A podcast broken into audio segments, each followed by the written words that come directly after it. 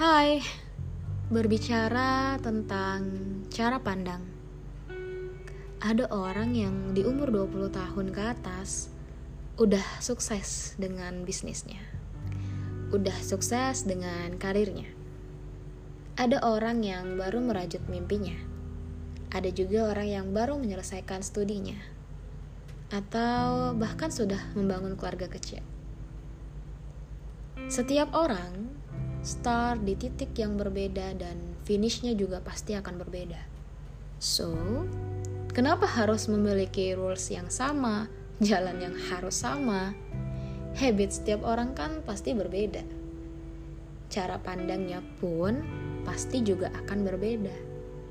Dan manusia di dunia ini tuh pasti beragam jadi berhenti membandingkan si A dengan si B dan si B dengan si C, lalu si C dengan si A. Karena itu akan menjadi persoalan yang tidak akan pernah selesai. Just stop it. Let's respect to others.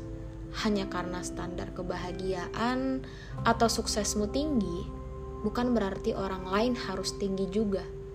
Ada kok orang yang mendapat sesuatu yang menurut orang lain biasa, tapi dia merasa itu lebih dari cukup.